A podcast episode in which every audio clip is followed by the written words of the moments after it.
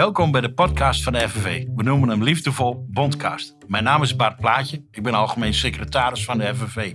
Ik ben vooral een vakbondsman die graag met de poten in de klei staat. Dames en heren, welkom bij weer een aflevering van de Bondcast. Ook deze aflevering eh, vanaf het Internationaal Solidariteitsfestival in Amsterdam. Bij mij aan tafel drie gasten. Is uh, ook uh, met mijn geringe ervaring met, met de Bondcast toch wel een uitdaging. Drie gasten tegelijk aan tafel. Ik ga proberen iedereen evenveel het woord te geven. Dat zal niet meevallen, want ik wil af en toe ook zelf nog wat mijn mond open doen tijdens zo'n uitzending. Maar we gaan het zien. bij mij aan tafel Fatma, Astrid en Brahim. En ik zou jullie willen vragen om heel kort jezelf even voor te stellen. Dan begin ik bij Astrid. Ja, hi. Leuk om hier te zijn. Ik ben Astrid Kaag en ik werk bij Mondiaal FNV. En ik hou me daar bezig met onder andere de ketens van uh, groente en fruit wat wij uit Peru kopen. En palmolie wat in heel veel van onze producten zit. Kom ik daar zo meteen nog even bij je op terug. Dat klinkt al veelbelovend. Fatma. Goedemiddag is het inmiddels. Mijn naam is Fatma Boudijje. Ik ben bestuurder in de handel en met name de supermarkten. Uh, en in het bijzonder Lidl. Um, en daarnaast ben ik internationaal verantwoordelijke binnenhandel. Kijk, duidelijk. Brahim? Ja, mijn naam is uh, Brahim Riziki, werkzaam bij Bayer, dus uh, de zadenbranche. En uh, ik ben bij betrokken bij Internationaal Vakbondswerk om, om mensen te helpen voor een goed arbeidsvoorwaarden. Duidelijk verhaal. Ja, dank jullie wel. Nou, om maar even met de deur in huis te vallen, om een beetje het thema neer te zetten. Uh, ik koop heel vaak mijn kleren bij CNA. Niet de t-shirt waar ik vandaag aan heb, dat is een Bud Spencer t-shirt uit mijn nostalgische collectie. Maar desalniettemin, een beetje gewoon gangbare kleding. Ik vind het een fijne winkel. Ze hebben mijn mater. Ik loop er makkelijk georganiseerd doorheen. Oer-Hollands bedrijf. Niks mis mee, toch? Of? Nou ja, en wat ik maar zeggen wil is, dat wordt in fabrieken gefabriceerd volgens mij. Ik werk natuurlijk ook bij de FNV en ik, ik zei al eerder, ik zeg af en toe dingen, en probeer ik ze heel scherp neer te zetten, maar kan het niet over mijn hart verkrijgen. Dat deugt van alles niet aan wat daarachter gebeurt, wat we niet kunnen zien. Nou, eigenlijk moet je bij alle kleding die je koopt wel nadenken waar het vandaan komt. Want eigenlijk is heel veel kleding is heel goed. En ik denk dat je eigenlijk maar 5% misschien zou je kunnen zeggen van nou, dat deugt echt helemaal. Het probleem is dat we het ook niet altijd weten. En dus ik zou niet tegen jou zeggen, ga niet naar CNA. Want het maakt eigenlijk eerlijk gezegd niet zoveel uit. Een aantal bedrijven zijn wel actiever. Ja. Daar werken we ook mee samen in een kledingprogramma en ook met de Fairwear Foundation. Dus die doen het wel iets beter. Dat zijn er wel. En CNA is ook wel actief. Ik ken de kleding niet zo heel goed hoor. Maar wat, wat moet ik me voorstellen bij zo'n programma? Nou, dat we vanuit Mondiaal werken we daar samen om, met, met bedrijven ook, met uh, brands. In de kleding is het zo dat het vaak uh, merken zijn die hier alleen nog maar design, ontwerp en een merk of, of een keten hebben, maar die alles verder uitbesteden, maar wel productie voor hunzelf. Dus zij zeggen dan, ik wil dit type uh, spijkerbroek en dan ja. zeg je tegen een fabriek in Bangladesh, nou, doe mij daar een paar duizend van of zo. Dus ze hebben wel heel veel invloed op en hoeveel ze betalen ook, met ja, name ja, voor die spijkerbroek. Maar het is dus als, maar als ik de problematiek heel plat wil slaan, voordat je het weet, als je echt niet oplet, dan zou je kleren kunnen kopen wat eraan bijdraagt dat, dat de kindjes uh, uh, van 4, 5 jaar nog onmenselijk uitgebuit worden. Ergens aan de andere kant van de wereld. Om te zorgen dat jij een goedkoop uh, stukje kleding ja, kan Ja, dat kan. En het, wat, het punt is dat als je iets heel duurs koopt, hele dure kleding, is dat ook niet beter. Die komen vaak uit dezelfde fabriek. Dus het, en het probleem is ook een beetje van, is dit een rol voor de consument? Je moet natuurlijk zelf ook goed nadenken over wat je koopt. Ik vind dat wij dat allemaal moeten doen. Ja. Maar vaak is het ook heel lastig om te weten hè, van wat, wat is nou wel en niet goed. Dus eigenlijk zeggen we ook als FNV, en daar hebben we het, hadden we het in de workshop ook over, die bedrijven moeten de verantwoordelijkheid nemen. En dat doen ze niet altijd, voor die hele keten ook. Ja. En daarom moeten ze gewoon onder druk gezet worden door ons als vakbond, door internationaal samen te werken, maar ook door wetgeving die er hopelijk aankomt. Ja, precies. Waardoor bedrijven toch meer druk krijgen dat ze gewoon wel hun hele keten in orde moeten eh, hebben. En een risicoanalyse moeten doen. Als er iets mis is, moeten ze dat oplossen. Ja, als de betaler bepaalt, dan hebben ze natuurlijk ja. in Amsterdam macht over. Maar zeker de, de grote merken in de kleding en de grote ketens, die, die hebben eigenlijk alle macht. En daar gaat ook bijna alle winst heen. Ja, ja, dus, dus die ketens zijn ook wel heel oneerlijk verdeeld ook. En dat is ook iets voor ons als vakbeweging om iets aan te doen. En als individuele consument moet je ook gewoon wel maken, nadenken. maar je kunt daar in je eentje niet veel aan veranderen. Nee, precies. Maar bewustzijn uh, verrijkt natuurlijk ieder mens. Dus daar kunnen we ook wel aan bijdragen. Fatma, is, is dat bij de Lidl ook zo? Trekt die zich wat aan van hun positie in de markt? Ik kan me zo voorstellen dat het nog een keer snel eh, klem loopt. Het zijn een Duits bedrijf, Ordnung moet zijn. Eh, gaat het snel fout of valt het mee? Ehm, Lidl is nummer vier grootste supermarkt ter wereld. En die zou in die positie veel beter kunnen doen. Niet alleen maar eh, in de keten, maar ook voor de eigen werknemers in Nederland. En wij zijn eigenlijk met internationaal werk begonnen met een heel simpel project met een uitwisseling met Chili. En daar hebben we product mapping geleerd. En ehm, dat is eigenlijk niets anders dan systematisch bijhouden van de zaken die je wil verbeteren. Ja, Dat hebben we vertaald naar onze situatie in Nederland. En wat wij hier wilden verbeteren wa- was die hoge stapels die steeds hoger worden, omdat Lidl hartstikke groeit Ja. en steeds die stapels hoger worden. En we hebben aan de hand van die product mapping kunnen laten zien dat het structureel is. En zo hebben we die pallets verlaagd naar 1,80. Nou want jij bedoelt als je in een distributiecentrum van de Lidl... Ik kom uit distributiecentrums, ik heb meteen beeld. Maar voor de Ja, luisteraars ja. thuis... ehm, dan gaan de producten gaan vanuit een distributiecentrum naar de winkels toe. Ja. Want daar komt het allemaal binnen van de Ja. leverancier. Ja. En ze bouwen die torens waar je dat moet stapelen steeds hoger en hoger. Ja. Met heel veel klachten voor werknemers eh, Precies, als gevolg. precies. Ja. En dat hebben we dus geleerd vanuit een internationaal project.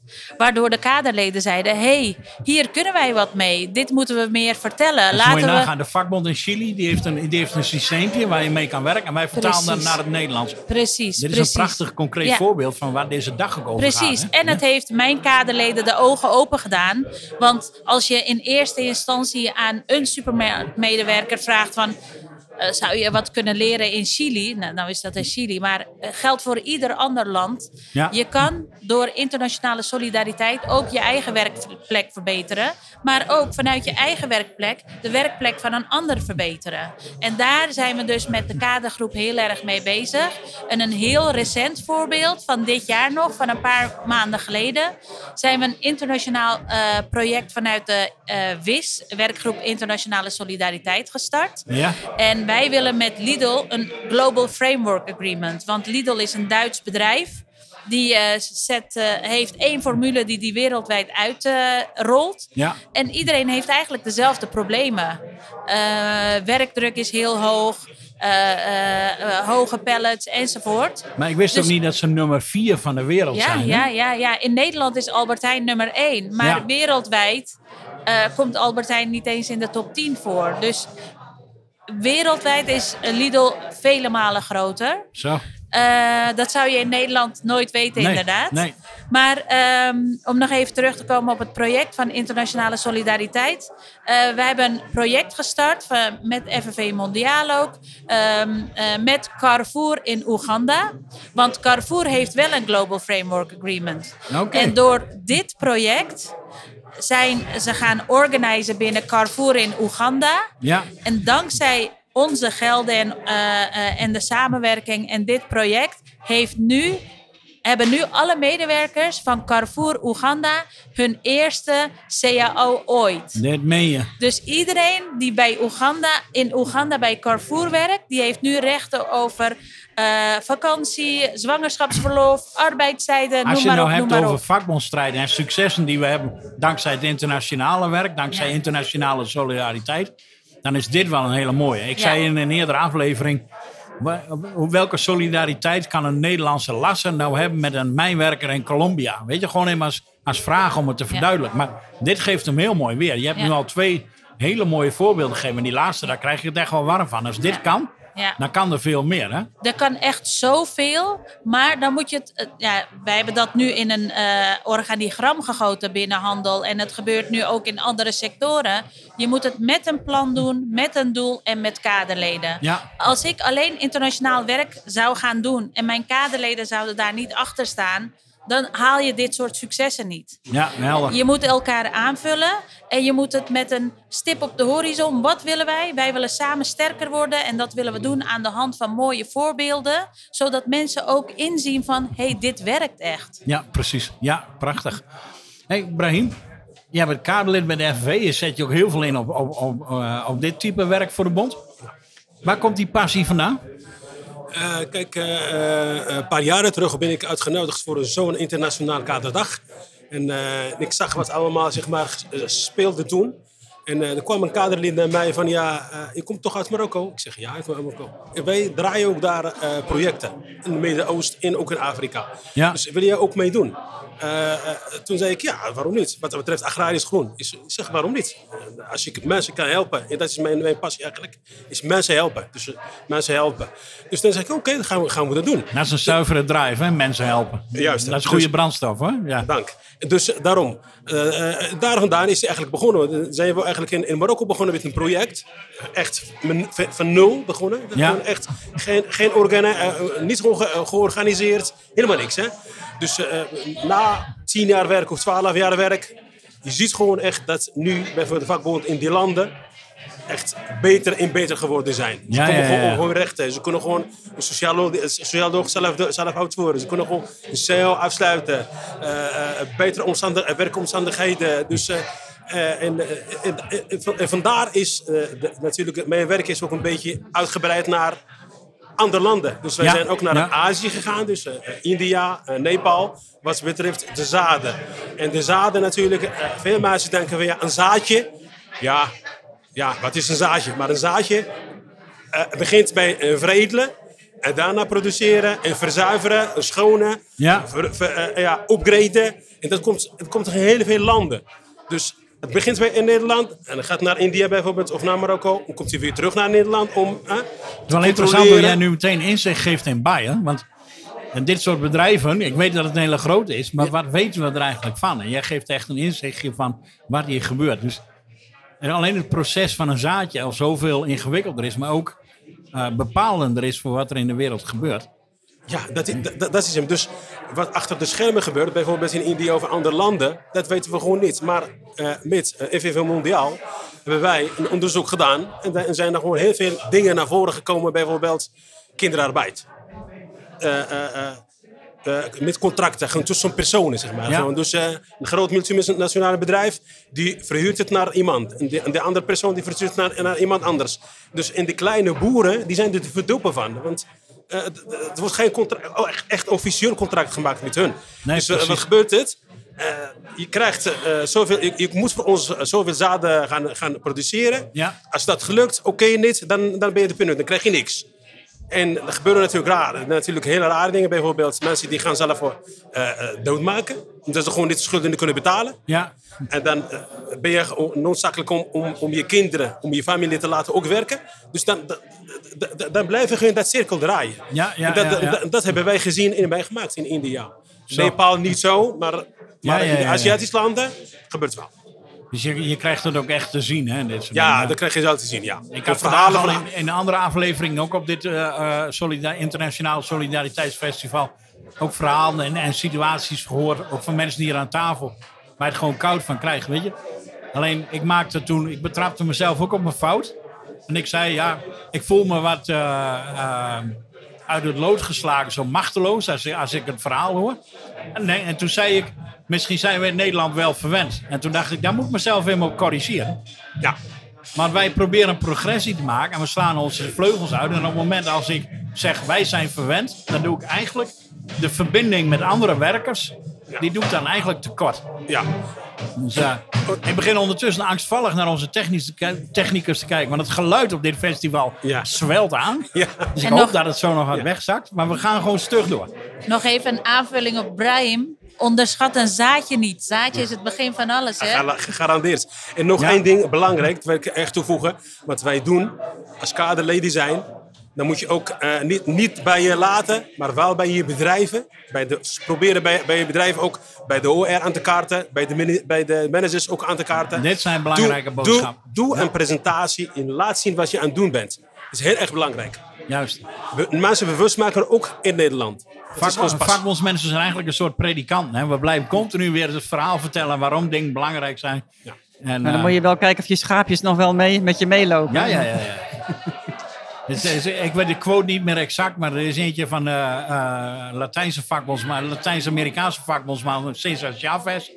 Die zegt van, our work is pretty simple. We just keep talking to them and uh, slowly they will come along. En dat is het eigenlijk. We zijn een, een van de weinige organisaties die op een hele vreedzame manier steeds meer mensen bij elkaar brengt en dan inzet voor progressie. Dus En dan vind ik zo'n festival als dit met jullie vakbondswerk daar ook heel mooi van. Een ander voorbeeld, ik wil het er toch helemaal over hebben, maar ik, bij een workshop eh, vandaag ging het er ook over. Hè? Vrachtwagenchauffeurs zijn natuurlijk ook zo internationaal als het kan. Zo, zo, we hebben het over zaadjes die de wereld over reizen, we hebben het over grote bedrijven, we hebben het over de achtergrond van kleren. En ga ik weer proberen zo'n vervelende vraag te doen die ik eigenlijk niet kan stellen, omdat het me veel te veel kan schelen. Maar maakt mij toch niks uit als iemand voor 2,50 euro vanuit Bulgarije op een vrachtwagen stapt om hier uh, een paar dingen heen en weer te rijden. Maar waarom is dat een probleem voor mij? Nou ja, hoeveel mensen hebben in Nederland nog een vast contract op een vrachtwagen? Dat heeft te maken met de concurrentie. Wij zijn zeker vrachtwagenchauffeurs kan je natuurlijk makkelijker uit het buitenland halen. Je kan niet elk bedrijf altijd verplaatsen. Ja. Maar je kunt dus wel makkelijk blijkbaar een vrachtwagen of uit één land en het personeel uit een ander land halen. En daar hebben wij natuurlijk in Nederland al heel lang last van. Dat, dat wij veel te weinig goede contracten hebben in de, in de vrachtwagens. Ja. Dus, dat, dus het is zeker ook eigenbelang. Maar ik denk naast eigenbelang, eh, het heet Solidariteitsfestival. Ik vind het ook gewoon een moreel uh, waarde, hè, wat ook in onze uitgangspunten staat, dat we gewoon ook solidair zijn. En dat Ja, is ook precies. genoeg op zich. Maar zeker in zo'n eh, transport, wij hebben natuurlijk heel veel daarmee te maken. Maar dat is zo'n groot globaal bedrijf, en neem een IKEA, als die, als die, voor, eh, als die allerlei ja, boevenorganisaties voor zich laat rijden, waarvan ze weten dat die mensen eh, eh, uitbuiten en, en, en zich helemaal kapot laten werken. Mag je dan zeggen dat het eigenlijk een aanval is op mensen die nog wel een beetje arbeidsvoorwaarden hebben? Tuurlijk, want het- Zeker. Ze- We zijn al lang, wat, wat- wat we vaak zeggen, naar het putje. En dat is in Europa. Want nu, dat zijn allemaal Oost-Europeanen. We vroegen aan eh, Edwin, hè, die was online. Want die staat dus nu in, as we speak, in Duitsland op een eh, parkeerplaats. met, eh, die mensen zijn in hongerstaking gegaan. En we vroegen waar ze vandaan kwamen. Nou, het was Rusland, eh, het- Kazachstan, Oezbekistan. Dus, echt, Oezbekistan. dus het is al niet meer Oost-Europa, maar het Het is, gewoon al veel verder. Nee, Die is nog te duur dan kwam Ja. anders uit Oezbekistan. En uiteindelijk, uiteindelijk, als we hier geen dam opwerpen, door, door ons te organiseren, maar ook door wetgeving, et cetera, dan, dan gaat het echt alleen maar. Ja, ja. En er is eerder een case geweest dat er, dat was in, eh, was het in Polen op een werf, maar dat, is- daar, daar werkten notabene eh, Noord-Koreanen en, en Nepali en zo. Dat je echt denkt van in welke wereld zijn wij nou in godsnaam terechtgekomen? Straks dat zijn er dit alleen nog maar mensenmassa's aan het verschepen om arbeid te, Ja. te verrichten waar, waar ze zelf geen cent meer aan overhouden. Hè? Dat is het gevaar waar, waar hieronder ligt. Nou ja, en het kan te makkelijk, hè? want daarom is het goed wat, wat Edwin noemde, de eh, Transport Road Due Diligence, als ik het goed zeg. Dus dat je die Ja. keten gaat nakijken, maar dat je ook de, de bedrijven aanspreekt die daar verantwoordelijk voor Dus de zijn. bedrijven- de en die altijd onder duiken. de IKEA Ja. die, moet, oh, die moet niet alleen, niet alleen het directe baasje moet aangepakt worden, maar dan ook degene die hem inhuurt. En nou, Ja, maar, uiteindelijk maar, de grote maar opdrachtgever. uiteindelijk moet je naar de opdrachtgever. En, en er komt nu wetgeving aan die ook zegt dat uiteindelijk die opdrachtgever ook wel verantwoordelijk is. Dat zijn ze eigenlijk al lang volgens allerlei normen hoor, maar dat is nog moeilijk afdwingbaar. Dus naast dat wij onszelf goed organiseren, dat moet dat sowieso. Ja, Want je moet dat weten van elkaar, je moet met elkaar, je moet solidair zijn. Eventueel hier staken als er daar iets aan de hand is, dat moet je ook allemaal inzetten. ja, Maar ja, er moet ja. gewoon veel meer dwang op die bedrijven komen. Maar Want- even voor, de, voor de luisteraars, nou, gewoon, die waren niet in jullie workshop. Wat is onze collega Edwin Atema daar eh, precies aan doen in Duitsland? Die staat daar bij een staking. Dat zijn eh, chauffeurs, ja, ik weet niet 100%, maar die, die hebben al heel lang gewoon geen salaris gehad. Dus hij zei, ik ben hier niet voor loonsverhoging, ik ben gewoon voor het Gewoon, uitbetalen gewoon van voor dat waar je salaris. voor gewerkt hebt. En ze hebben dat helemaal Nou, niet opgeschreven. eens dat. Ze, krijgen, ze hebben het terugberekend hoeveel hun uurloon is. Die zit rond de euro. En zelfs dat hebben ze al niet gekregen. En dat in Duitsland, hè? gewoon naast ons deur. Ongelooflijk. En dat is, dat is de transport. Maar eh, ook binnen Nederland. Ehm, jij zei net, het zijn niet meer de Poolse uitzendkrachten. Nee, daar zijn we in Nederland ook al aan voorbij.